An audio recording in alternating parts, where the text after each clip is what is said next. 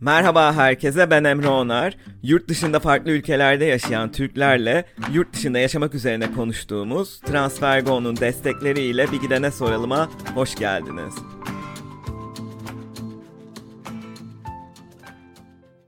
Transfergo uygun kur ve düşük gönderim ücretiyle çok hızlı hatta aynı gün içinde uluslararası para transferi yapabileceğiniz bir mobil uygulama. Üstelik TransferGo'yu kullanmaya başlayan her arkadaşınız için 22 euro ödül kazanabilirsiniz. Bu bölümde bana göre dünyanın en güzel şehirlerinden biri olan Floransa'ya gidiyoruz ve yaklaşık 10 senedir İtalya'da yaşayan Zehra Bural konuğum. İTÜ Kimya Mühendisliği mezunu Zehra Hanım İtalya'ya 2006'da Perugia'da dil okulu ile ilk olarak geliyor. Ama asıl macerası 2009'da çalıştığı tekstil şirketinin Biella isimli İtalya'nın kuzeybatısında 45 bin nüfuslu bir kasabadaki ofislerine transfer olmasıyla başlıyor. Daha sonra Floransa'ya taşınan ofis ile 2013'e kadar Floransa'da yaşıyor ve tek yabancı olarak çalışıyor. 2013'te şirketinde çıkan bir fırsat ile Türkiye'ye tekrar geri taşınan Zehra Hanım 2017'de başka bir firma ile daha global bir iş fırsatı ile tekrar Floransa'ya geri taşınıyor. 2020'de ise kendi şirketini kuran Zehra Hanım ile Floransa'da hayatın yanı sıra İtalya'da hem Türk hem global firmada çalışmış biri olarak İtalya'da çalışmayı, kendi işini kurma sürecini, İtalyanlarla sosyalleşmeyi, İtalyanca öğrenmeyi ve İtalya'da yaşama dair geri kalan bütün tavsiyelerini konuşacağız. Merhaba Zehra Hanım, hoş geldiniz. Merhaba, hoş bulduk. İtalya taşıma süreciniz nasıl gelişti? Bunu çok merak ediyorum. Yani dil okuluna da gitmişsiniz aslında. Hep aklınızda olan bir şey miydi? 2009 yılında bir anda 45 bin nüfuslu bir kasabaya taşınma teklifi geldiğinde nasıl karşılamıştınız? Bu nasıl gelişti anlatabilir misiniz? Ee, şimdi İtalya'ya tabii ki e, taşınma süreci çok güzeldi. İlk defa iş için taşındılar. Çünkü İtalya senin de söylediğin gibi dünyanın en güzel ülkelerinden biri. En çok turist çeken bir yer. Burada bir de iş fırsatı çıkması. Koşa koşa geldim diyebilirim. Bu 2006'daki Perugia'daki dil okulundan gittiğimde Tabii ki Perugia çok genç bir şehir. İki tane üniversite var. Birincisi yabancı ünivers yabancılar üniversitesi, diğeri normal e, devlet üniversitesi. Çok genç bir şehir, cıvıl cıvıl. Ben e, İtalya'daki bütün hayatım öyle olduğunu sanıyordum. Daha önce de Roma ve Floransa'ya turist olarak gelmiştim. O ne güzel diye gerçekten koşarak geldim. Böyle ilk başı çok güzeldi. Sonrasını işte öyle oluyor. Gerçeklerle karşılaşınca işler değişiyor tabii. Nasıl gerçekler? Yani Biella'da hayatınızın üzerinden bayağı zaman geçmiş ama ilk deneyimleriniz nasıldı hatırlıyor musunuz? Yani aman tanrım burada ne yapıyorum diye mi düşünmüştünüz yoksa keyif aldınız mı? Çok şoktu yani hani hiçbir nasıl anlatayım tabii çok net hatırlıyorum çünkü bu arada bayağı sene geçmiş olmasına rağmen e, o sessizliği hayatım boyunca unutamıyorum. E, Avrupa'da ya da Avrupa'da da öyle de İtalya'da özellikle her yer böyle e, cıvıl cıvıl değil şehirler.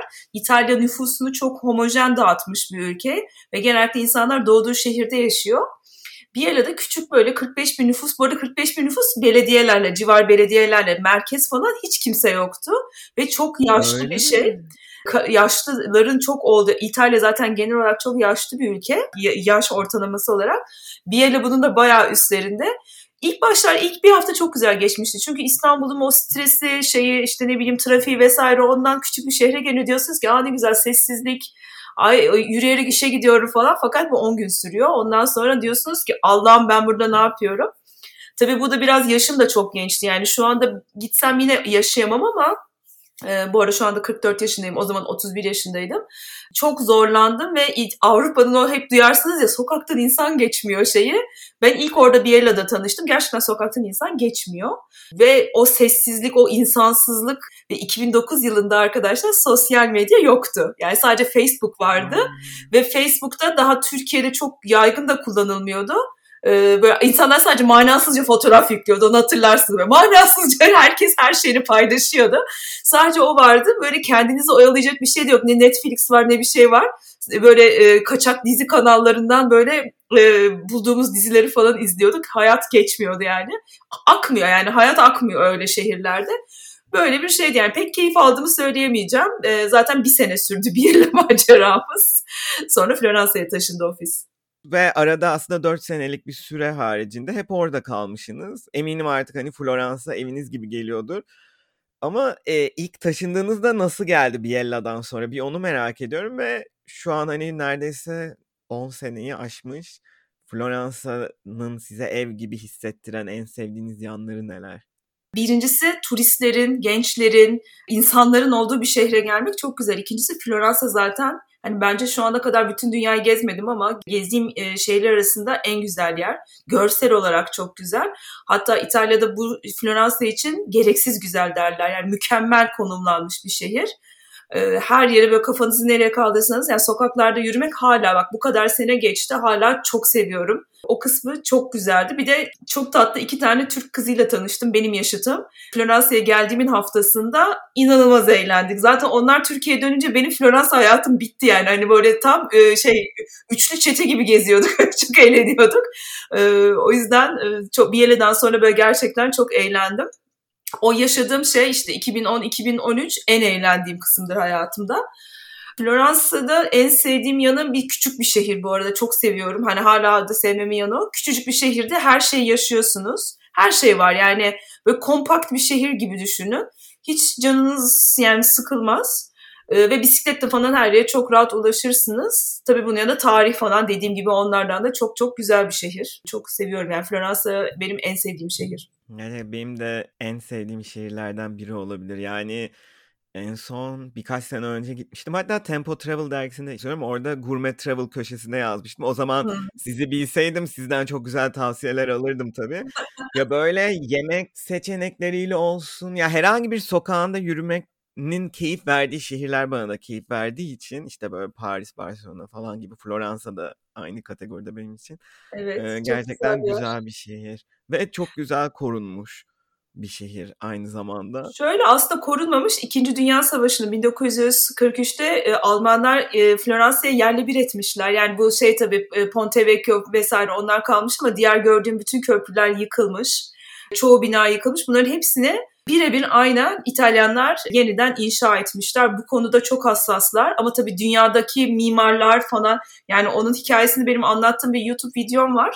Bir Santa Trinita Köprüsü var. Bence Floransa'nın ve dünyanın en güzel köprüsüdür. Onun yıkılması ve tekrar böyle nehirden Arno'dan teker teker taşları çıkartarak yerine koyarak orijinalini yapmışlar. Yani bu konuda İtalyanlar yeniden Floransa yapmış. Yani gördüğünüz çoğu bina yeni değil aslında. İkinci Dünya Savaşı'nda yıkılmış binalar. Yani Almanlar tarafından yıkılmış. Maalesef öyle de acı bir hikayesi var Floransa'nın. Ha bunu bilmiyordum. Evet. Doku o kadar güzel sağlanmış ki turist olarak bunu bu bilgiyi de bilmememe utandım iki kere gidip. Yok ama çok insan anlatmıyor normal bilmemen. Allah Allah. O zaman güzel bir bilgi oldu gerçekten bu. evet. Ve acaba İstanbul'a bunu yapabilir miydik? yapabilir miyiz? İmkansız tabii artık. Ve şeyi sormak istiyorum mesela yani İstanbul'da 4 sene gibi süre siz 2013'te 2017'ye Floransa'dan uzak kalmışsınız. Sonra geri taşınmışsınız. Bilmiyorum o süreçte geri gittiniz mi ama 4 senede mesela döndüğünüzde şehirde herhangi bir değişiklik gözlemlemiş miydiniz? Yani 4 senede mesela Türkiye'de şehirler o kadar hızlı dönüşüyor ki. Artık evet ben 6 ayda bir gittikçe tanıyamıyorum kentsel dönüşümden. Kadıköy'de yaşıyorum ben. Ee, İtalya'da böyle bir şey olmuyor. Yani e, şimdi şöyle bir şey söyleyeyim. Yine bir İtalyan kültürüyle ilgili, e, hayat tarzıyla ilgili bilgi vereyim. Burada çoğu şey aile şirketi. Babadan oğula geçiyor. Özellikle restoranlar falan hepsi öyledir. O yüzden bir el değiştirmiyor. Yani bir sene gidiyorsunuz sushici var, ertesi sene kebapçı var, sonra İtalyan restoranı aynı yerde bulamıyorsunuz. Çünkü o, o iş 3-4 nesilden beri aynı işi yapıyorlar. Hani bu e, butik de olabilir, e, züccaciye de olabilir. Hep öyle e, şey aileden e, aktarıyorlar. 2017'de hiç fark bulmadım. Fakat bu soruyu 2020 diye sorarsan çok değişti. Artık maalesef pandemiyle birlikte Floransa hiç eski Floransa değil. Çok fazla dükkan, e, restoran kapandı. Yeniden açılması için uğraşılıyor. Devlet destekleri var, Avrupa Birliği destekleri var. Fakat o iki sene maalesef devlet de çok yardımcı olamadı. Şu anda birçok yer çok sevdiğim mesela bir pastane var kapandı artık tamamen. Ben orada kahve içmeyi çok seviyordum. Böyle kampanyalar falan başlatıyorlar tekrar açılsın diye ama daha kötüsü yerine şeyler geliyor. Böyle cep telefonu, aksesuarı satan dükkanlar falan açılıyor. Yani şehrin o güzel şeyi bir şehri bence güzel yapan odur. Yani böyle işte ne bileyim farklı farklı çeşit dükkanların e, bir araya gelmesinden böyle mahalle falan oluşuyor. O güzel yapıyordu. İtalya genelinde böyle bir sıkıntı var. Çünkü İtalyanlar online alışverişi keşfettiler. Daha önce hiç yapmıyorlardı. Herkes bildiğim pazara gider, orada sohbet eder o dükkan sahibiyle. Tabii online çok daha ucuz. Amazon'a karşı maalesef yenildi. Yani 2013 ile 2017 arası değişmedi ama 2020'den sonra İtalya, İtalya'da değişti ama Floransa çok değişti maalesef. Turizmle geçinen bir şehir daha çok en büyük endüstrisi turizm. O hala yerine gelemediği için artık direnemedi çoğu kişi ve kapattılar maalesef. Öyle bir fiziği şey. Hmm, belki 2023'ten sonra değişebilir bir şeyler. Yani o bilincin olması güzel yine de tabii şehrin hani bir, bir şekilde korumak için teşvikler olması. Evet evet. Bu bayağı popüler de bir konu aslında. Mesela şey bu şimdi hızlı teslimat uygulamaları getir benzeri çok hızlı arttığı için Avrupa'da mesela ve onların böyle e, mahallelere tabii dükkan gibi depo açmaları gerektiğinden mesela şehir kültürünü yok ediyor falan diye Amsterdam'da mesela bayağı bir tartışma yaratmış sanırım Barcelona'da da. Evet e-ticaretin artması bir şeyleri değiştiriyor. Hem mağaza kapanması hem de böyle farklı tür mağazalar açılması anlamında. Bilmiyorum Floransa'da o tür hızlı getiriyor. Yok yani çok dikkat ettiğim bu cep telefonu e, aksesuarlar onları genellikle Çinliler açıyor ya da Pakistanlılar açıyor. Yani belli bir e, grupların elinde onlarda e, şehrin dokusunu gerçekten çok değiştiriyor ama bazı yerlerde izin de vermiyorlar ama e, yani dükkan sahibi de bir noktada veriyor izin yani da para kazanmak istiyor. Böyle bir sıkıntısı var ama yine hala Floransa güzel. Belli bölgeleri artık daha değiştiriyorlar yani çok uğraşıyor e, belediye burada. E, umarım turistler geri geldikçe e, bu da düzelecek ama para harcayan turist Çinliler de. Onlar da gelemedikleri için hala o yüzden böyle bir sıkıntı var. Yani onların gel- gelmesi 2022'de bekleniyordu ama maalesef onlar hiç çıkamıyorlar Çin'den. Online alışverişe devam ediyorlar ama şehir e, şey yapmıyor yani restoranı falan gitmediği için e, otele kalı kalamadığı için onlar geçinemiyor yani. Böyle bir sıkıntı var. Doğru. Evet bayağı bir şey değiştirdi Covid. Evet maalesef. Peki İtalyan kültürünün en sevdiğiniz yanları neler? Yani bir gün dönmek zorunda kalsanız mesela en çok neleri özlersiniz oradaki hayata dair? En çok neyi seviyorum biliyor musun? Ya herkese de bunu söylüyorum. Keşke Türkler de biz öyle olabilsek. İtalyanlar çok rafine bir hayat yaşıyor. Yani yedikleri yemekten e, evlerini döşemelerine falan böyle. Yani onlar yaşadıkları yere ve yedikleri yemeğe çok önem veriyorlar. Böyle kullandıkları arabalar hep böyle dandik dandik arabalar kullanıyor eski püskü yani. Çünkü araba onu A noktasından B noktasına götürüyor. Bir şey değil yani senin statünü gösteren bir şey değil ama yedikleri yemek çok lezzetli olmalı. Mesela şuradan başlayayım. iş yerinde hep böyleydi. Saat 10 herkes arazi kahve içmek zorundalar. Orada iki laf ediyor böyle. İşte öğle yemeği saati geldiğinde bir de bütün bilgisayarlar kapanıyor. Ne kadar yansa orası yani kapatıyorlar. Yemek yemeye gidiliyor. Ve bir saat yemekte iş kesinlikle konuşulmuyor. Çünkü o yemek hani e, kutsal bir saat. O saatte kafanı şey yapacaksın. Herkes yaptığı yemeği anlatıyor. Dün gece ne yediğini anlatıyor. Yani yemekte yemek konuşuluyor. E, akşam yemeği zaten saat 8 ayrıca ayrı bir kutsallık. Orada bütün aile birleşiyor ve herkes o günü anlatıyor. Bunu çok seviyorum. Ve yedikleri yemeği kendilerine şey yapmıyorlar. Yani mesela biz Türkler böyle yiyoruz değil mi? Ondan sonra ay çok yedik kilo alacağız falan diyoruz. Burada hiç öyle bir şey yok. Yani yiyor, onu da yiyor, bunu da yiyor, tatlısını da yiyor, şarabını da içiyor ve keyif alıyor adam. Yani e, o yüzden de çok uzun ömürlüler. Dünyanın en uzun yaşayan insanları bir Japonlar, bir İtalyanlar. E, her gün neredeyse bir kadeh şarap içiyorlar ya da iki kadeh ama böyle sarhoş olmak için içmiyor onu. Keyif için içiyor, güzel şarap içiyor. Bir de e, İtalyanların başka sevdiğim yanı, e, bu da bence ülkeyi, e, insanları buraya çeken özellik. Doğuyorlar ve yaşıyorlar ve ölüyorlar. Yani öldükleri gün ölüyorlar diyorum ben ona. Yani ölece mesela bizde emekli olunca herkes 5 e, vakit 10 vakit dua eder ki cennete gitsin. İtalyan öldüğü güne kadar normal hayatla devam ediyor. Evini temizliyor, yemeğini yapıyor, e, ne bileyim arkadaşları buluşuyor falan filan. O yanlarını çok seviyorum. Yani hayattan kopmamak da değil bu da yani hayatın olması gerektiği gibi yaşıyorlar. Ve ben de onlardan bunu öğrendim.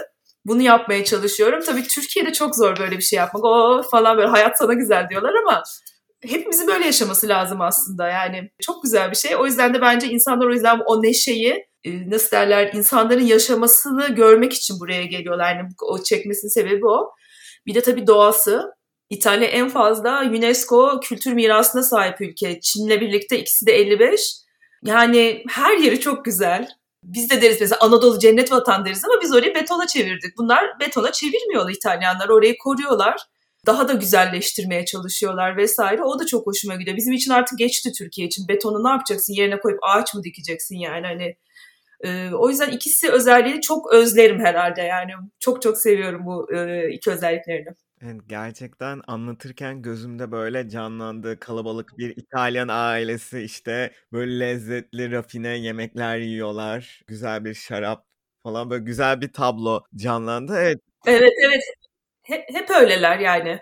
Evet gerçekten aslında şey Akdeniz yaşamı. Ya yani Yunanistan'dan katılan konuklarım da bunu dile getirmişti. Mesela telaşsız, işte hayattan hı hı. zevk alarak, koşturmasız, o anda yaşayarak e, hayatın tadını çıkarıyorlar diye. Sizin dediğiniz de benzer. O biraz Akdeniz kültürü belki de biz onu koşturma halinde unutuyoruz. Bize böyle bir koşturma şeyi gelmiş bir süre sonra. Güncellemesi gelmiş ve koşturma içinde o keyif anları kaçabiliyor ya da bilmiyorum hızlı kentleşme mi artık bir sürü nedeni vardır sosyolojik açıdan baktığımızda. Biz Orta Doğu'ya döndük o yüzden bence yani Orta artık Akdenizler gibi değil biz daha çok Orta Doğu şark kültürü çok ağır bastı özellikle son 20 yıl diyeyim. O yüzden artık Akdenizler gibi biz daha böyle masalar bizim böyle şey nasıl derler yemek yemek yemek böyle e, kilolar da arttı o yüzden böyle hani daha çok Van kahvaltı salonu hani 35 çeşit yemek falan hani oldu ama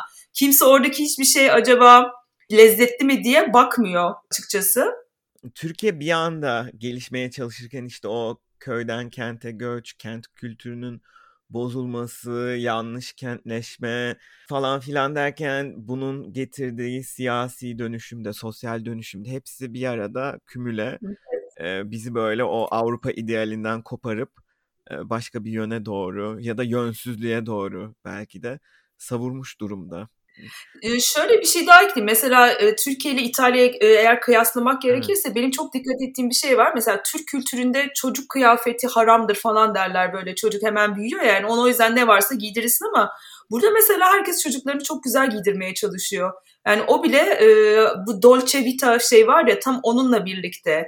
Yani çocuk çocuktur ama o da güzel giyinmeli. İnsanlar herkes güzel, lezzetli yemek yemeli. Güzel evlerde yani böyle görsele çok önem veriyorlar ama başkası için değil, kendi görseli için.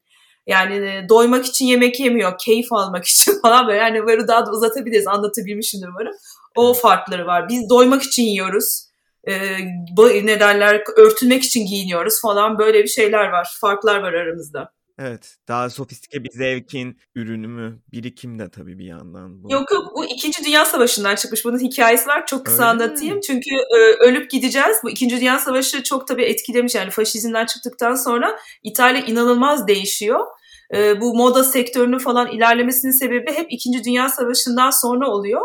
E, çünkü diyorlar ki hayat kısa zaten savaş çıkıyor ölüp gideceğiz bari evimiz güzel olsun güzel giyinelim güzel yiyelim. Ee, yoksa İtalya çok fakir eski tarihine bakarsanız zaten cucina povera denir fakir mutfak. İtalyan yemeklerine de bakarsınız zaten böyle hep un işte polenta böyle mısır unu onunla onu karıştırıyor. Yani üç malzemelidir hep ama çok lezzetli sunar sana yani çok görsel sunar.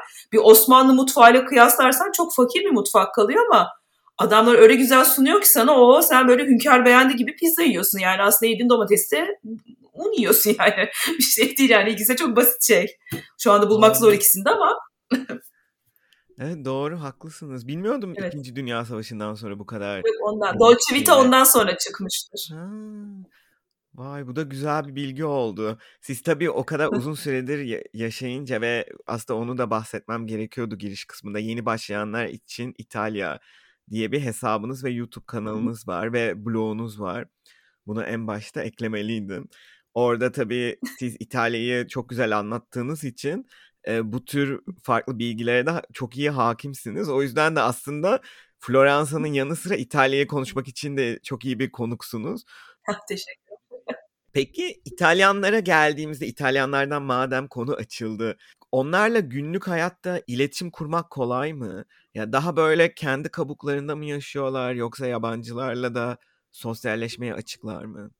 şimdi burada önce İtalyanı belirlememiz lazım. İtal bir İtalyan diye bir şey yok ve İtalyanlar birbirlerinden son derece farklı insanlar. Yani bir Milanolu ile bir Sicilyalı, Palermolu, işte Pugyalı, Napolili yani akla kara gibi farklı. Zaten farklı diller konuşuyorlar hepsi. Öğrendiğimiz İtalyanca Milano'da konuşulan İtalyancadır. İtalya Flor İtalyanca Floransa'dan çıkmış.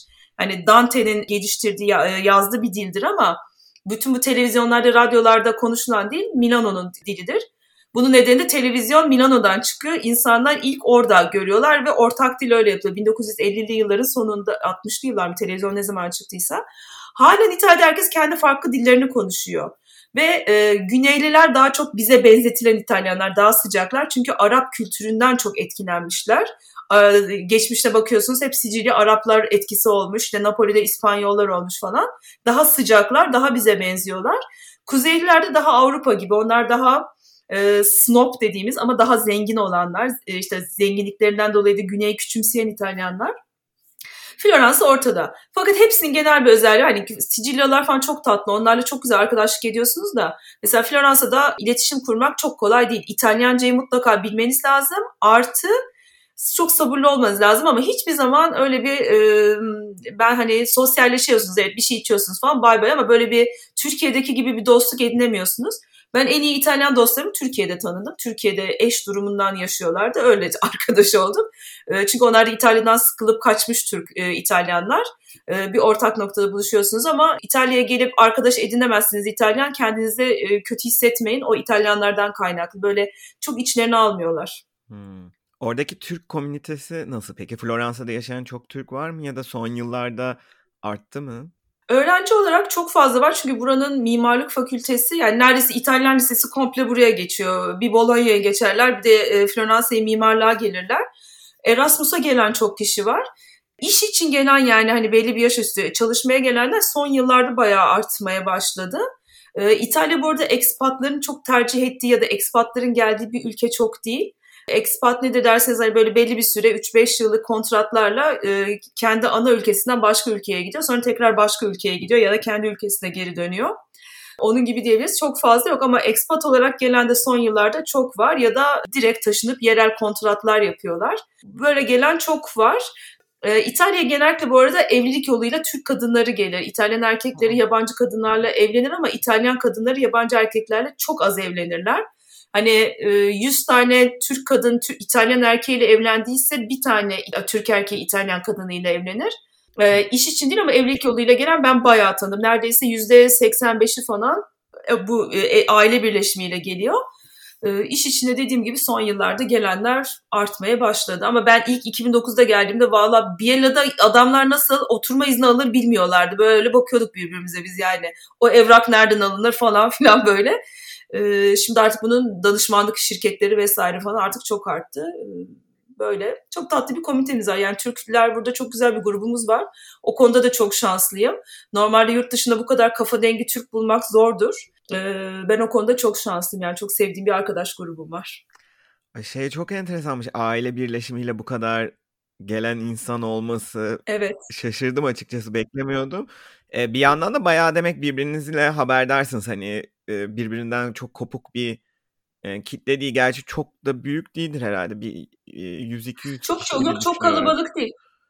Toskana'da 350 tane falan böyle konsolosluğa kayıtlı Türk var. Ama yani yine görüşmek istemeyen var. Yani ben Türklerle görüşmek istemiyorum diyen insanlar var. Onlara da çok saygı duyuyorum. Ee, istemiyorlar hiç. Onları da tanımıyoruz.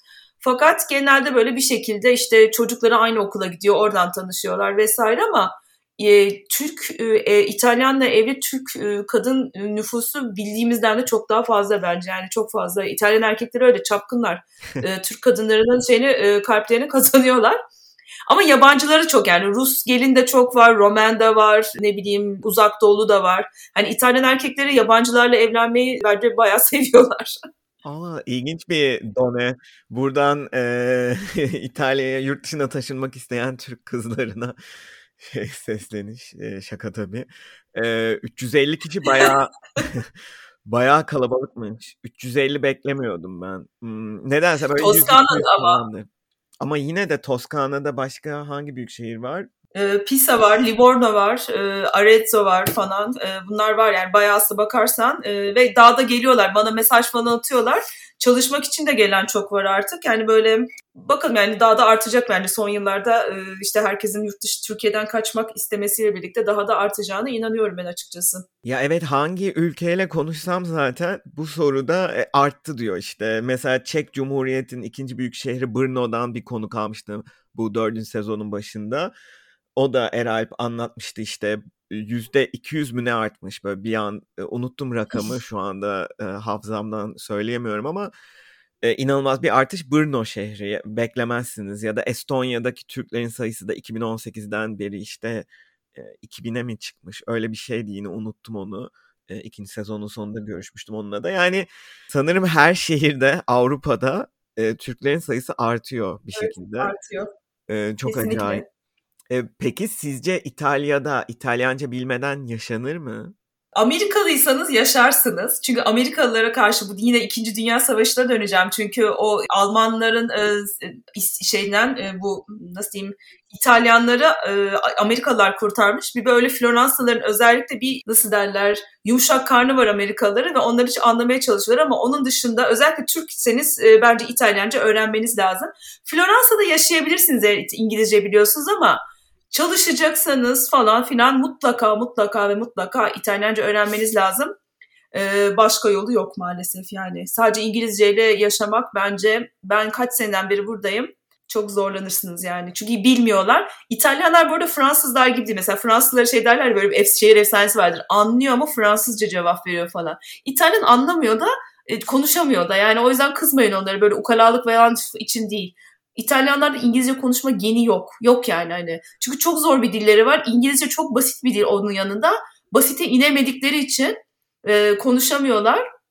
Konuşanı da zaten yurt dışına gidiyor. İtalya'da kalmıyor. O yüzden burada böyle. Fakat İtalyanların şöyle bir olayı var. Sizi İtalyanca anlamak için çok uğraşırlar. Yani o yönlerini çok seviyorum. Böyle anahtar kelimeleri verin anlamaya çalışıyor. İşte elle anlatın. Mesela tornavida diyeceksin böyle anlat falan filan. Adam ha diyor anlıyor. Yani o konuda da çok tatlılar. Ama tabii yani burada yaşayacaksınız. Bence hani e, ileri seviye olmasa da bir orta seviyeye gelin yani öğrenin. Öğrenmesi de çok zor bir dil ama ne bileyim yani ben böyle artık herhalde seviyorum. E, dinlerken hiç anlamayınca ah ne güzel dil diyorsunuz. E, öğrenmeye kalkınca Allah'ım bu dil, niye bu kadar zor ya falan diyorsunuz. Öyle bir özelliği var. E, Latin dillerinin gerçekten o istisna kuralları, prepozisyonları, şunlar bunlar çekim farklılıkları falan derken insanı zorluyor. Çok zor.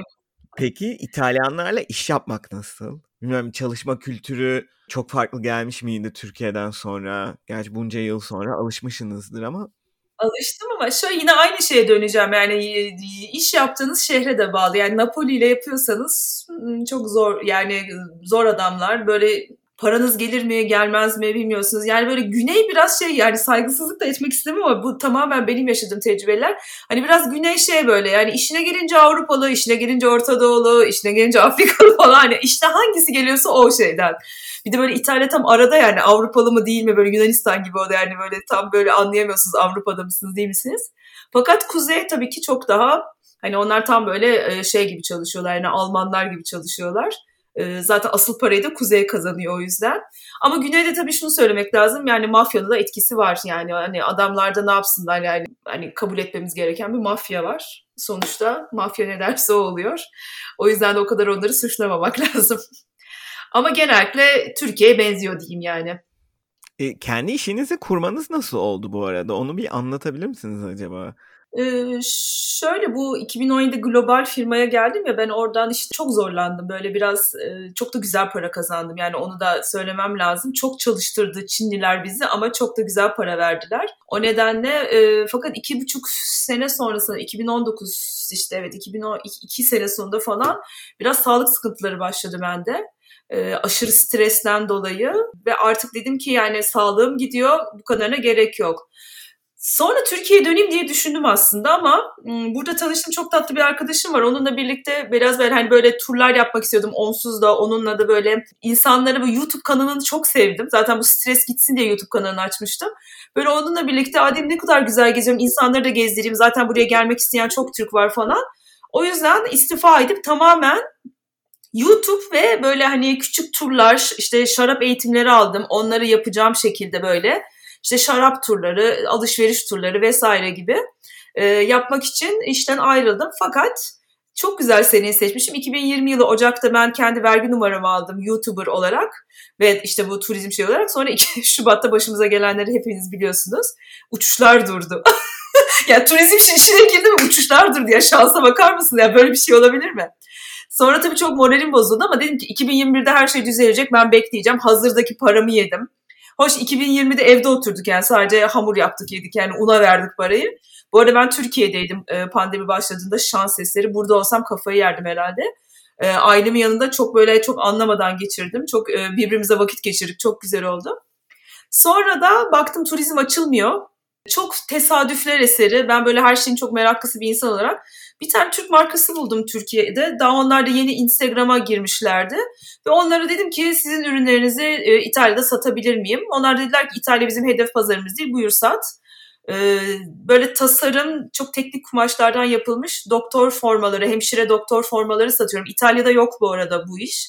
Yani ilk tek biz satıyoruz burada. Ona başladım ve e-ticaret sitesi kurdum. Oturdum günlerce e-ticaret sitesi işte Shopify açma şeyleri falan. Böyle sıfırdan kendim yaptım hepsini. Çok da keyifli bir süreç oldu. Fakat sonra tabii bir sürü e, yanlışlar yaptım, para kaybettim falan. Öyle öyle gidiyor işte yani böyle ne derler on job training mi denir ona böyle böyle öyle bir şey diyorlar. E, MBA yapacağına parayı MBA'ye vereceğine parayı kaybederek doğru yolu bulmayı öğreniyorsun. Ama şu anda keyifli gidiyor. Zor olmadı. Muhasebe İtalya vergi alacağı için 10 dakikada açıyor yani şeyi şirketi size. Her türlü şirketi açabiliyorsunuz. Fakat onun belli sınırları var. Yani mesela Türkiye'desiniz şu anda. Ya ben sıkıldım İtalya'ya gelip şirket açacağım deyince ona izin vermiyor. Ben daha önce e, bayağı bir vergi ödediği için, sisteme vergi verdiğim için bana izin verdi Blue Card'dan sonra. E, ancak e, siz açmak istiyorsanız belli şartları var. Bunları da muhasebeciye danışabilirsiniz. Ben açıkçası bu konuları çok bilmiyorum. İşte Türkiye'de şirketiniz varsa burada bir ofisini açabiliyorsunuz falan gibi böyle bir sürü şey var. Türk-İtalyan Ticaret Odası var. Oradan bilgi alabilirsiniz. Böyle yani şu anda güzel gidiyor. İnsanın kendi patronu olması güzel. Bu benim ikinci defa yapışım. Daha önce Türkiye'de de kendi işimi e, kurmuştum. E, şimdi İtalya'da yapıyorum. Her türlü şeyi denedim. Türk firması, yabancı firma, Türkiye'de kendi firmam, İtalya'da kendi firmam. Hepsini biliyorum ama en güzel insanın kendi işini yapması bence. Vize veya kalıcı oturum gibi konularda tavsiyeleriniz var mı? Kalıcı oturumda şöyle 5 sene burada e, ikamet ettikten sonra ama çalışarak çalışmanız yani vergi verirseniz sisteme sınırsız oturum hakkı kazanıyorsunuz.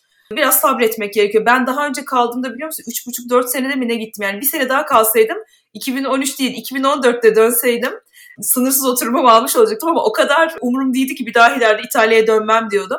Bir de çok güzel iş teklifi almıştım Türkiye'den. Ee, bunları iyi araştırın. Yani eğer iş teklifi geldiyse e, mutlaka haklarınızı falan yapın. Fakat buna eğitim dahil değil. Yani 4 sene okuduktan sayılmıyor.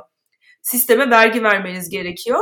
Ee, sadece İtalya sanırım tek ülke Avrupa'da yanlış bilmiyorsam öğrenciler öyle söyledi. 4 sene okuduktan sonra bir sene daha kalıp iş aramanıza izin veriyor.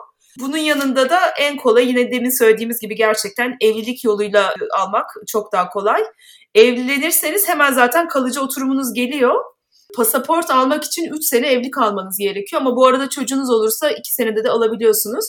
Mesela benim pasaport başvurum 10 sene burada yaşamam gerekiyor. Üstüne hakkı veriyor. Yani bir de üstüne bekliyorsun. 2 senede falan veriyor pasaportu. Ama evlenirseniz yani eğer burada bilmiyorum bunu söylemek istemiyorum. Bir Avrupa pasaportu olsun diyorsanız ev, evlenebilirsiniz. Yani çok rahat. Hemen 3 senede geliyor. 3 sene çok hızlıymış ya. Böyle bir şey hiçbir yerde ben duymadım. İtalya o konuda çok yani evlilik yoluyla en hızlı veriyor. Çalışma yoluyla da en uzun veriyor yani. Öyle bir şey farkı var. Ee, o yüzden vize konusunda da bilmiyorum yani vize zaten hani öğrenci vizesi falan almak okula kaydolmanız gerekiyor. Turistik vizede zaten yani ama kalıcı oturumla ilgili bu tavsiye verebilirim. Ben valla pasaportu dayanabilecek miyim bilmiyorum yani ama e, bakalım yani pasaportu almak istiyorum açıkçası. Çünkü pasaport aldıktan sonra e, İtalya buraya ailenizi getirmenize izin veriyor. Yani örneğin e, ben pasaport aldım diyelim. Ablamı, anne, annemi babamı zaten galiba getirebiliyorum da abla şey kardeşleri de getirebiliyorsunuz. E, oturma izni veriyor. E, o yüzden yani bir şansı var. Aa, enteresanmış o açıdan. Evet. onu da soracağım. Benim klasik iki sorum var tabii. Türkiye'ye dönmeyi düşünüyor musunuz diye.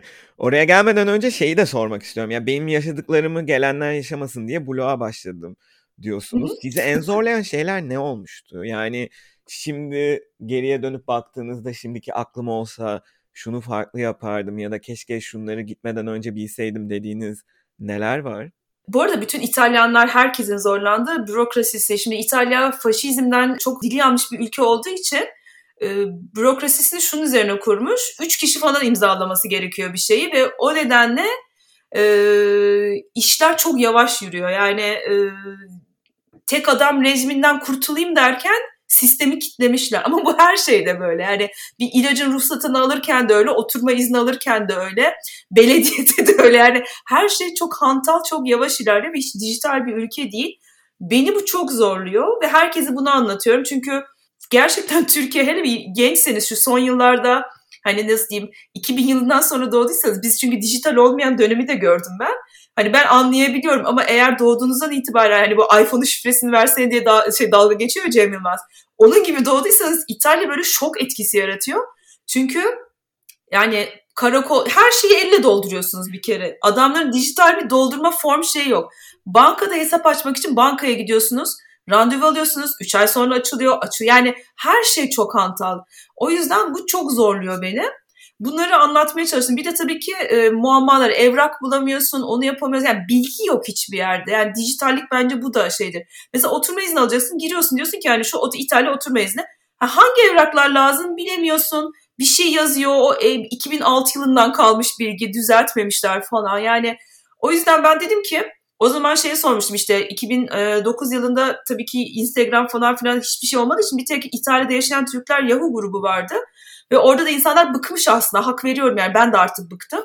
Ben de dedim ki vaktim de vardı. Oturup yazıyordum işte değil mi? Ehliyet alıyorum. Ehliyet böyle alınır. İşte sigorta kartı alıyorum. Sigorta kartı böyle alınır. Bilmem ne alınır. O da böyle alınır falan diye. Ee, sürekli bunları yapıyordum. Ee, o yüzden e, böyle başladım. Şimdi olsam farklı yapardım ne olur? Valla Biella'yı falan çok araştırırdım. O kadar yaşlı bir şehir olduğunu bilseydim ve bana hiçbir şey katmadı. Yani bu çok önemli. Ben bunu söylüyorum. Mesela bana yazıyorlar Erasmus için ben geleceğim işte şu şehre. Ya diyorum Allah'ın dağın başındaki şehrinde ne yapacaksın? Güzelim yani genceciksin git diyorum e, Amsterdam'a başka bir ülkede yok mu yani? O da diyor ki bana Aa, İtalya benim hayalim. Yani tamam İtalya'nın hayalin de tatile gel. Yani bana Biella'da yaşamak hiçbir şey katmadı. Yani bir adım ileri gitmedim. Boşu boşuna bir senem geçti.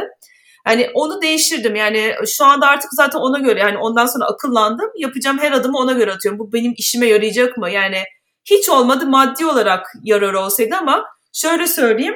Mesela baktım Eylül 2009'da 1 euro 2.14'müş. E ben zaten Türkiye'de kazandığımı burada. Burada İtalya'da maaşlar çok düşüktür. Yani ben İtalya'ya göre yine iyi para almıştım ama yani bir şey de olmadı. Türkiye'de de güzel para kazanıyordum o zaman. Zaten Avrupa'ya gidip gelebiliyorduk. Yani şimdi tabii ki çok farklı yani 2022'den bahsetmiyorum. 2009'a göre bir tek bunu değiştirirdim. Gitmede gelmeden önce gideceğiniz şehri mutlaka çok iyi araştırın. Yine söyleyeceğim İtalya'da şehirler, kültürler çok farklı. Yani Napoli ile Floransa aynı değil. Milano ile Venedik aynı değil. Bambaşka şehirler. Gerçekten yani boşu boşuna vakit kaybetmeyin diyorum. Ama herkesin de kendi hikayesi var. Yani gidip görmeden de benim dediğim olmuyor. Yani ben tabii anlatayım size. Beni dinleyin ama yine de gönlünüzden, aklınızdan ne geçiyorsa onu yapın tabii ki ama ben vakit kaybetmezdim diyordum şeyde, Biella'da. Belki ekstrem bir örnek olacak ama dediniz ya hani işte Floransa ile Napoli, Venedik hani hepsi ayrı kültürler. Hani nasıl İstanbul, Trabzon, Kayseri bambaşka İzmir. Hani ona benzetilebilir belki büyük bir ülke olduğu için İtalya. Şöyle yok öyle değil. Biz en azından yok biz o kadar farklı değiliz. İtalya çok daha farklı. Yine burada öyle bir İtalya mi? bilgisi vereyim, tarih bilgisi. Çünkü İtalya 1800'lü yılların sonuna kadar hepsi ayrı küçük küçük devletler halinde. Yani Siena devleti, Floransa devleti hepsi farklı ve gerçekten farklı diller konuşuyorlar. Yani biz mesela Trabzonlu ya da Güneydoğulu ya da Egeli konuşunca anlarız. Yani aksanlar farklıdır ama e, en azından anlaşabiliriz. Yani bir İstanbul'u Trabzon'a gidince çalışma hayatına girebilir ama bir Milano'lu Napoli'ye gidince anlamıyor. Mesela her şeyin e, bizim satışlarımız vardı. Napoli'ninki farklıydı. Kimse anlamıyor. Çünkü Napoli Napolice konuşuyor. Ya gidiyorsunuz adam diyor ki İtalyanca bilmiyorum ben Napolice anlıyorum diyor adam falan. Nasıl yani diyorsun? hani öyleler. Bunların hepsi farklı küçük küçük devletler farklı. Sonra Garibaldi geliyor hepsini birleştiriyor ve İtalya altında topluyor. Ama bu adamlar kendi dillerini konuşmaya televizyona kadar devam ediyor. Yani televizyon o yüzden İtalya'nın e, tarihinde çok önemli bir şey. Televizyonda Milano İtalyancasıyla tanışıyorlar e, ve İtalyanca konuşmaya başlıyor. Yani o yüzden hala evlerde insanlar kendi diyalektini konuşuyor. Yani Napoli'de Napolice konuşuluyor evde. O nedenle çok farklı. O yüzden diyorum yani Napoli'ye gittiğinde hani diyorlar böyle ben A1 seviye İtalyanca biliyorum. Ee, ondan sonra o yüzden şey yapıp Napoli'de ya yapamazsın yani İtalyan yapamıyor orada sen nasıl yapacaksın? Bunun gibi iyi araştırın. Yani İtalya her zaman yine altın çiziyorum. Tatil için geldiğiniz İtalya ile yaşamak için geldiğiniz İtalya akla kara kadar farklı. Olumlu yönü de var, olumsuz yönü de var ama hani o tatildeki neşeli insanlar falan siz yaşarken neşeleri kaçabiliyor. Öyle bir sıkıntısı var.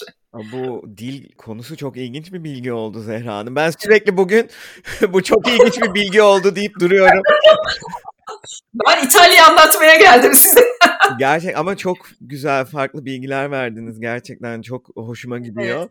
Ama son dediğiniz şey çok doğru. Yani tatile gitmekle bir yere yaşamak aynı şey değil. Bu her ülke için geçerli. Çünkü turist olduğunuzda daha farklı, yaşadığınızda ayrı ayrı e, dertler, çok sıkıntılar da olabiliyor yani. Orada gerçek hayatı görüyorsunuz. Başka var mı böyle adaptasyon süreci için İtalya'da herhangi bir tavsiyeniz? Yani İtalyanca dediğim gibi mutlaka adaptasyonun ilk birinci şeyi ne derler İtalya, e, İtalyanca öğrenmek. Ee, yine dediğim gibi yani hani bana diyorlar ki İtalyanlarla arkadaşlık edemiyorsun. Ya artık kabul ettim yapamıyorum yani çünkü İtalyanlarla arkadaş olmak için ya evleneceksiniz onların arasına girebilmek için eşiniz İtalyan olacak anca öyle sızabileceksiniz aralarına ya da çocuğunuz olacak işte okuldaki etkinliklerde velilerle arkadaş olacaksınız ama onların da çok yani yine oradaki yabancı anneler bence gelip arkadaş oluyorlar. Benim gördüğüm öyle. İtalyanlar yine uzak duruyorlar. Şöyle bir şey İtalyanlar e, böyle e, ilkokul, ortaokul aşklarıyla evlenirler. Yani çok enteresan bir köy. Hepsinde öyle bir şey var. Hani orada köylerinde tanışıyorlar. Yine köyde, şehirlerinde ya da evleniyorlar ve okul arkadaşlarıyla birlikte ölene kadar aynı grup takılıyorlar. Yani sizin oraya girmenize imkan yok. İtalyanları da aralarına almıyorlar. Yani onlar daha ortaokul, lisede gruplaşıyorlar ve tatil onunla gidiyorlar. Hafta sonu yemekleri onunla çıkıyorlar. Yani biz mesela farklı farklı insanlar tanışalım deriz ya onlarda öyle bir şey yok. Yani değişik böyle çok şeyler muhafazakarlar o konuda. Aynı pizzacıya gider, aynı pizzayı yer. Yani biz mesela deriz ya farklı şey yapayım falan. Onlarda hiç öyle bir şey yok ve aynı lezzeti ister falan. O yüzden çok daha farklılar. Adapte olmak için yani e, dediğim gibi İtalyan arkadaş edinemiyorsunuz. Sakın üzülmeyin. Hani Floransa'da şanslısınız. Çok yabancı var ve onlar çok açıklar arkadaş olmuyor. Özellikle Amerikalılar böyle çok şeyler. Hemen onlar da tam zıttına hemen arkadaş oluyorlar falan. Böyle yani adaptasyon için ne bileyim başka ne bileyim okula yazılabilirsiniz. Hani illaki İtalyanlarla arkadaş olayım diyecekse yani onu yapan da çok insan var. Ben beceremedim. Çok da sosyalliğim çok kuvvetlidir insan ilişkilerim. İtalyancayı da öğrendim ama hala yani Floransalılarla arkadaş olamıyorum. Dediğim gibi artık da şey yapmıyorum yani nasıl derler bunu dert etmiyorum kendime. Türk arkadaşlarımla da gayet mutluyum. ya bir yandan da bunu geçen İsveç'teki konumla da konuşmuştuk. Türklerle iletişim kurmak da tabii arkadaş olmak da daha hızlı gelişebiliyor. Ya ben kendimde de bunu gözlemliyorum. Bilmiyorum hı hı. aynı dili konuşmanın, aynı kültürel kodlarla gelmenin yana aynı yetiştirilme tarzı hani özellikle benzer kafada bir insansa o arkadaşlık süreci çarpı 3 hızında gerçekleştiği ya. için e, bazen daha kolay ve rahat seçenek de olabiliyor yani kendim en azından kendi içim. Öyle. Tabii onu da tecrübeyle öğreniyorsunuz. Ben mesela Biella'da o kadar sıkılmıştım ki orada iki tane Türk buldum. Bir tanesi dönerciydi, bir tanesi de orada evlenip gelmiş bir kızdı. Yani o kadar sıkılıyorsunuz ki hiçbir şey yok. Onlara böyle yıla, denize düşen yılana sarıldı ve ikisi de beni kazıkladı biliyor musun? O kadar üzülmüştüm ki. Yani biri maddi olarak, biri e, ne derler e, manevi olarak beni çok böyle üzdü ve kırdı. Ondan sonra ve böyle Türklere karşı biraz hani onu çok duyuyorum. Ben Türklerle arkadaş olmak istemiyorum. Onu ilk başlarda çok anlamıyordum ama sonradan anlıyorum. Yani kendini koruma şeyi o. Ee, şu anda çok şanslıyım Floransa'da yani öyle bir şey tabii ki yok ama böyle suistimal özellikle küçük bir şehirlerdeyseniz ve bir Türk gerçekten çünkü İtalyanca konuşamıyorsunuz. İletişim kurmanız çok önemli istiyorsunuz. E ne oluyorsunuz oradaki o işte dertleşiyorsun falan ama e, biraz ben böyle yani herkese de arkadaş olmuyorum açıkçası. Ha, evet. O e, zamanla gelişti bir şekilde anlıyorum. Mesela benim şöyle bir olayım var. E, şey gibi oldum diyorum. E, resepsiyon gibiyim diyordum bir ara. Mesela buraya iş için geliyor birisi. Kız veya erkek fark etmiyor. E tabi İtalya adapte olması gerekiyor. İtalyanca bilmiyor. Hop işte YouTube'dan beni görüyorlar. Aa Zehra'nı buluşalım. Aa Zehra'nı oraya gidelim onu yapalım falan. Ya sonra sevgili yapıyorlar ya işten birisini buluyorlar. O sonra Zehra Hanım yok yani işte ne haber nasıl diye soruyorlar. Ben şey diyordum yani neden buranın adaptasyon şeyi neden. Artık artık onu öğrendim. Hani çok biraz şey koydum. Zaten yeteri kadar arkadaşım var. Hani insanların adaptasyon sürecini yardım eden şey stepne e, lastik değilim yani. O da olabiliyor. Öyle de biraz suistimal edilebiliyorsunuz açıkçası. Yani biraz bazı konularda kalbim çok kırıldı e, geçmişte. Ama her zaman Türklerle böyle kafanıza uygun bir Türk bulursanız da onun olması her zaman çok yani benim burada evimin ev sahibim Türk, üst komşum Türk falan gibi böyle çok böyle mutlu bir yer küçük Türk mahallesi kurduk. ee, o yüzden o da güzel bir şey yani. Evet, zaten benzer kafada, benzer hani e, tarzdayı altın çizdim. Ben de hani bahsederken tabii her e, Türk'le de rahat iletişim kurulmaz da şey çok enteresanmış.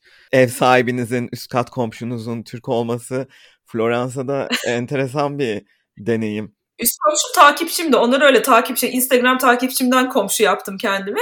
Ondan sonra ev sahibim de buradaki işte e, Türk kadın grubundan. Hoş benim ev sahibim buraya o üniversite için gelmiş ve kalmış.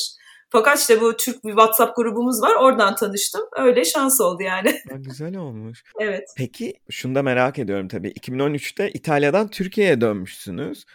Sonra 2017'de geri taşınıyorsunuz. O aradaki süreçte pişmanlık yaşadınız mı?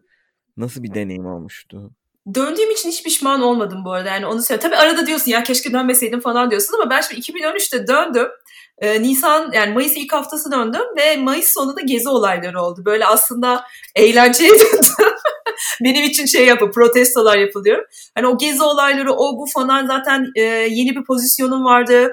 E, o çok keyifliydi, keyif alıyordum. Yani bir 6 ay çok güzel geçti. Fakat sonra o çalıştığım firma Çerkezköy'e taşınmaya karar verdi ve dedim ki ya ben zaten Türkiye'de İstanbul'da yaşamak için döndüm. Gidip Çerkezköy yine böyle hani hiç kimsenin hiçbir şeyin olmadığı bir şehirde bir daha yaşayamayacağım Biella'dan sonra dedim ve şirketten çok sevdiğim bir işimden istifa etmek zorunda kaldım açıkçası. Orada biraz başka bir şirkete geçtim. Orada yapamadım falan. O geçiş sürecinde ya keşke dönmeseydim falan dediğim oldu. Ama bu kesinlikle yani hani e, orada başıma bir şey geldi böyle hani nasıl derler e, adapte olamadığımdan dolayı falan diye. Yani iş hayatımın değişmesinden dolayı bir pişmanlık oldu. Bir de Avrupa'ya çok rahat gidip gelebiliyorduk. Bak onu da söyleyeyim. E, 2013 yılında 1 euro 2.35'miş. Yani çok bak iki katı neredeyse ödüyorsun yani. Yani alım gücümüz hala çok yerindeyken canın sıkılınca zaten basit bir bilet alıp Avrupa'ya gelip çok rahat kalabiliyorduk. Yani hani o şu anda insanların o sıkışmışlığı var. Kazandıkları onları doyurmaya yetmiyor. Bırak Avrupa tatili o bu. O yüzden zaten İtalya'yı özleyince kalkıp geliyordum yani. Hani o nedenle e, hiç o dönem pişmanlık olmadı. E, 2017'de karar ne bileyim dönmek de hiç zor olmadı. Çünkü zaten bildiğim bir şehre geliyordum vesaire böyle. Açıkçası pişman olmadım. Şimdi tekrar da dönmek istiyorum zaten. Öyle mi? Türkiye'ye dönmeyi düşünüyorsunuz yani. Ya daha önce aslında dönmek istemiyordum ama pandemide yani 2020 Ocak ayında çektiğim bir YouTube videomda şey diyorum ben artık Floransa'da yaşayacağım çok seviyorum buraya falan. Tabii pandemi gibi bir şeyin başımıza geleceğini bilmiyordum. Pandemiden sonra artık bence dünyada hiç öyle eğlenceli bir yer kaldığını sanmıyorum. Yani artık dünya bambaşka bir yeni düzene doğru gidiyor ki bunu hemen pandeminin akabinde çıkan Rusya işgalinde de gördük. Yani artık bence bu benim düşüncem tabii böyle olumsuz olmak istemem ama komplo teorisi istemem ama bir hani artık bizi korkuyla şey yapacaklar, kontrol edecek dünya düzeni ona doğru gidiyor. Ve biraz şey dedim yani bu pandemi işte 2020'de ailemle kaldığında yani biraz kıymetini anladım. Yani zaten biz çok bağlı bir aileyiz birbirine. Öyle şey değiliz. Yani hani nasıl diyeyim bazı insanlar ailesinden kaçıp geliyor. Kimisi yaşadığı şehirden kaçıp geliyor. Ben öyle değilim. Ben hep iş için geldiğim için buraya. Hani hep de dönüştüğünde böyle e, gidebileceğim, döneceğim bir köyüm var benim. O yüzden gerçekten de köyüm var yani döneceğim. O nedenle pandemiden sonra kesin kararımı verdim. Ailem, oradaki dostlarım da benim çok tatlı. Çocukluk arkadaşlarım falan. Evet çok zor Türkiye'de yaşamak kabul ediyorum ama dedim ki İtalya'da niye tek başıma yaşıyorum? Yani burada çok fazla böyle şey de yani gürül gürül para da kazanmıyorum. Hani bu burada kazandım Türkiye'de kazanırım ben zaten. O yüzden bu oturma sınırsız oturma iznimi aldıktan sonra ki e, buna başvuru bu Kasım ayında olacak 2022'de. Ben 2023'te Türkiye'ye dönüşü e, kendime tarih koydum 2023 sonu diye.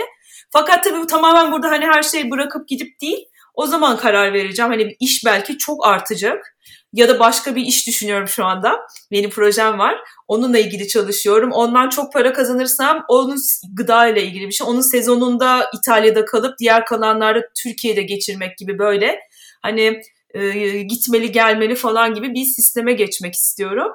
E, ama ana evimin Türkiye'de olması ve aileme ve o dostlarıma yakın olmak istiyorum açıkçası. Evet zor biliyorum bunu söylemek çok zor. 2022 Nisan ayında bunu söylemek biliyorum herkes kaçmak istiyor ama dediğim gibi artık her yer bence eşit yani öyle dünyada çok keyif alacağımız bir yer kaldığını düşünmüyorum.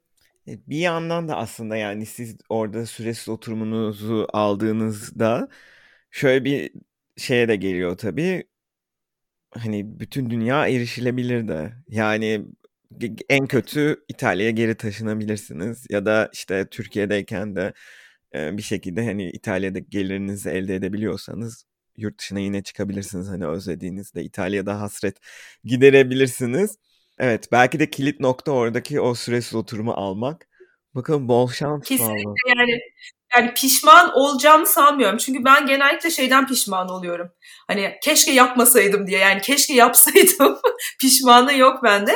Ve böyle ben karar alınca zaten benim bir arkadaşım şey der bana. Sen proje insanısın. Her 4-5 senede bir şey değişiyor senin diyor. Kariyerin değişiyor. Gerçekten öyle. Şimdi o bir kariyerin sonuna geldim. Bir de şöyle bir şey daha var Emre. Onu da söylemek lazım. Yani artık 45 yaşında geliyorum. Ee, biraz böyle İtalya tek başına belli bir yaştan sonra yaşamak için çok kolay bir ülke değil. Her şeyi kendi yapman lazım. Yani sifon bozuluyor, sifonu tamir ediyorsun. Alışverişe gidiyor. Hatta artık tamam şeyler falan başladı da eve servisler. Eskiden onlar da hiç yoktu. Ama böyle e, Türkiye bence çok daha o servis sektöründe çok rahat ulaşabileceğin yani getir Türkiye'den çıktı bir kere yani onun gibi. Hani her şeyi çok rahat e, servis yani bir yere bir şey bozulunca bir adam bulabiliyorsun. Hani bir yere gideceksen rahat şoför bulabiliyorsun. Bunun için de Türkiye'ye dönmek istiyorum. Hani ailemin, dostlarımın yanına e, ve doğduğum topraklara dönmenin yanında bunu istiyorum. E, bir de dediğim gibi tek başına yabancı bir ülkede yaşamak bir yaştan sonra zaten Türklerle takılıyorum burada. E gelip görürüm onları da yani hani böyle tek baş pandemiden onu öğrendim ben. Tek başına değil artık ben ailemle ve e, bir toplulukla birlikte yaşamak istiyorum ve bunu kendi ana vatanımda. Yani mümkünse sonu e, Türkiye'de bitsin benim hikayem öyle istiyorum ama yani hemen bitmesin ama e, öyle bir isteğim var ama tabii belli olmaz o nerede geleceği, hikayenin sonlanacağını nerede bilemeyiz ama öyle bir isteğim var ama tabii bilemiyorum yani o sınırsız oturumu aldıktan sonra işin de durumuna göre bakarak bakayım ne olacak o zaman karar vereceğim tam olarak. Güzel plan. Evet bence de. Düşündürttü beni de bu arada. Evet bir insanın kendi topluluğunun olması e, güzel bir şey. Ya çok tanıyorsunuz. Evet o pandemide ben bayağı gittim geldim içime döndüm tekrar döndüm turlar attım falan filan. Ee, ve bunun sonucuna vardım. Bu kararı almak da beni çok rahatlattı bu arada. Yani e, size de tavsiye ederim yurt dışında yaşayanları. Böyle e, tabii ki her zaman düş o şey var acaba mı acaba mı diye her, o hep olacak yani ama ben bu noktada yaşadığım hayat, kazandığım para falan. Ben İtalya'da şey için kalmak istiyordum. Rahat rahat dünyayı gezeyim. Ben çünkü hayatımı onun üzerine kurdum. Oh ne güzel gezeyim, tozayım falan diye ama pandemiyle birlikte öğrendik ki artık o kadar rahat gezemeyeceğiz. Ya savaş oluyor ya fiyatlar arttı. Her an her yerde bir şey patlayabiliyor bu artık bu dünyada. Ee, gezebildiğim kadar gezmeye devam edeceğim ama kendi doğduğum topraklarda olmak istiyorum. Her ne kadar kötü olsa. Ben ama bu arada iyi olacağına inanıyorum. Bunu da böyle polyanlacılık olarak söylemiyorum ve bununla ilgili bir adım attım. Ee, dedim ki hep konuşuyoruz konuşuyoruz söyleniyoruz ama hiçbir şey yapmıyoruz. Ee, kendi çapımda Türkiye İşçi Partisi yazılım mesela. Şey çok güvendiğim, e, muhalefetine çok güvendiğim, örneğin, örne, e, özellikle Se, e, Sera Kadıgil'e çok seviyorum. Size de tavsiye ederim yani Türkiye için öyle bir şey yapmak istiyorsanız söylenmek yerine bir adım atın. Yani sizde yapabileceğiniz elbet bir şey vardır. Yani döndüğümde güzel bir Türkiye bulmak için adım da attım yani. Biz siyasetten maalesef çok uzaklaştırılmış bir jenerasyonuz. Ee, özellikle benim e, yaşımdakiler. Çünkü annelerimiz çok acı çekmişler. O darbeler, onlar bunlar işte 80 olayları. Hiç böyle çok uzak kaldık. Hala da uzağım yani aktif olarak kesinlikle yapmıyorum. Yapamam da öyle bir şeyim de yok, bilgim de yok ama en azından yapanlara destek oluyorum. Böyle de güzel şeyler düşünüyorum yani geleceğe umutla bakmak istiyorum açıkçası. Hep karamsar karamsar olmuyor yani çok polyanlı da olmamak lazım. İşte ikisinin arasında bir şey tutturdum öyle. Bakalım. evet ne aşırı polyanlıcılık oynamamak gerekiyor ne aşırı karamsar olmak olmamak ya, gerekiyor. Evet. Haklısınız. Peki o zaman son sorum şu. Türkiye'ye dair özlediğiniz şeyler mesela neden geri dönmek istiyorsunuz? Türkiye'nin artı yönü olarak gördüğünüz şeyler neler? Gerçi arada bahsettiniz buna değindiniz. Hani hem orada ailenizin olması, belli bir e, topluluk diyebileceğiniz yakın insanlarınızın olması, servis kültürü. Ama bunların ötesinde başka bir şey var mı? Ee, şöyle iletişim yani ben İtalyan'da kendimi hep yabancı hissediyorum çünkü ne kadar iyi öğren konuşsam da hep yabancıyım. Taş yerinde ağırdır yani bence. O yüzden hani insanlarla mesela son iki hafta Türkiye'deydim ben onu özlemişim. Böyle e, mesela seninle konuşurken de öyle. Böyle ı mı ı falan sürekli ay o kelime şey. Bu arada kelimeler falan hepsi çok değişiyor yani İtalya'da. Hani bir Floransa ile konuşmakla e, işte onunla bununla konuşmak hepsi farklı şeyler de söylüyorlar. Ha, tamam az çok aynı da ama o kadar belli bir yaştan sonra öğrendiğim için İtalyancayı böyle ha hep düşünerek çeviri yapıyorum. Yani ondan çok yoruldum. Ve İtalya'da yabancıyım yani. Türk hep yabancı arkadaşlar. Yani Amerikalıysanız el üstündesiniz ama onun dışındaki bütün şeyler İtalya'da yabancı yabancı yabancı. Hep soruyorlar neredensin Türk mü? Şey bir şey diyorlar böyle Nasıl hemen politikayı soruyorlar sana. Ya ben sana politikayı mı soruyorum? İtalyanım deyince yani ondan falan da çok sıkıldım. Ee, o yüzden kendi ülkeme gidip e, rahat iletişim kurmak, kendi arkadaşlarımla, dostlarımla. Evet çok zor. Şu anda herkes çok mutsuz. Evet biliyorum, kabul ediyorum. Bu podcast'i dinleyenler de onu söyleyecekler ama yine böyle kendi küçük dünyamı, kendi küçük mutluluklarımı yaratmaya çalışıyorum. En azından ona uğraşıyorum.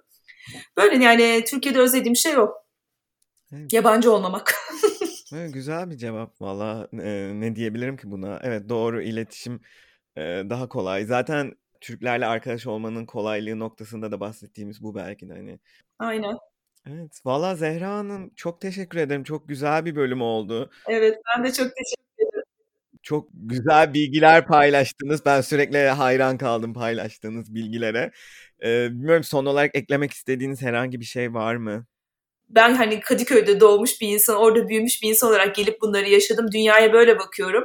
Sizinkisi çok farklı olabilir. Tabii ki dinleyin ama hani benim doğrum sizin doğrunuz değil, benim yanlışım da sizin yanlışınız değil. O yüzden yurt dışında yaşamak istiyorsanız çok da gözünüzde büyütmeyin. Gidin yaşayın. Yani bir yolunu bulun. Elbet vardır bir yolu. Okula yazılın, onu yapın, bir şey yapın falan.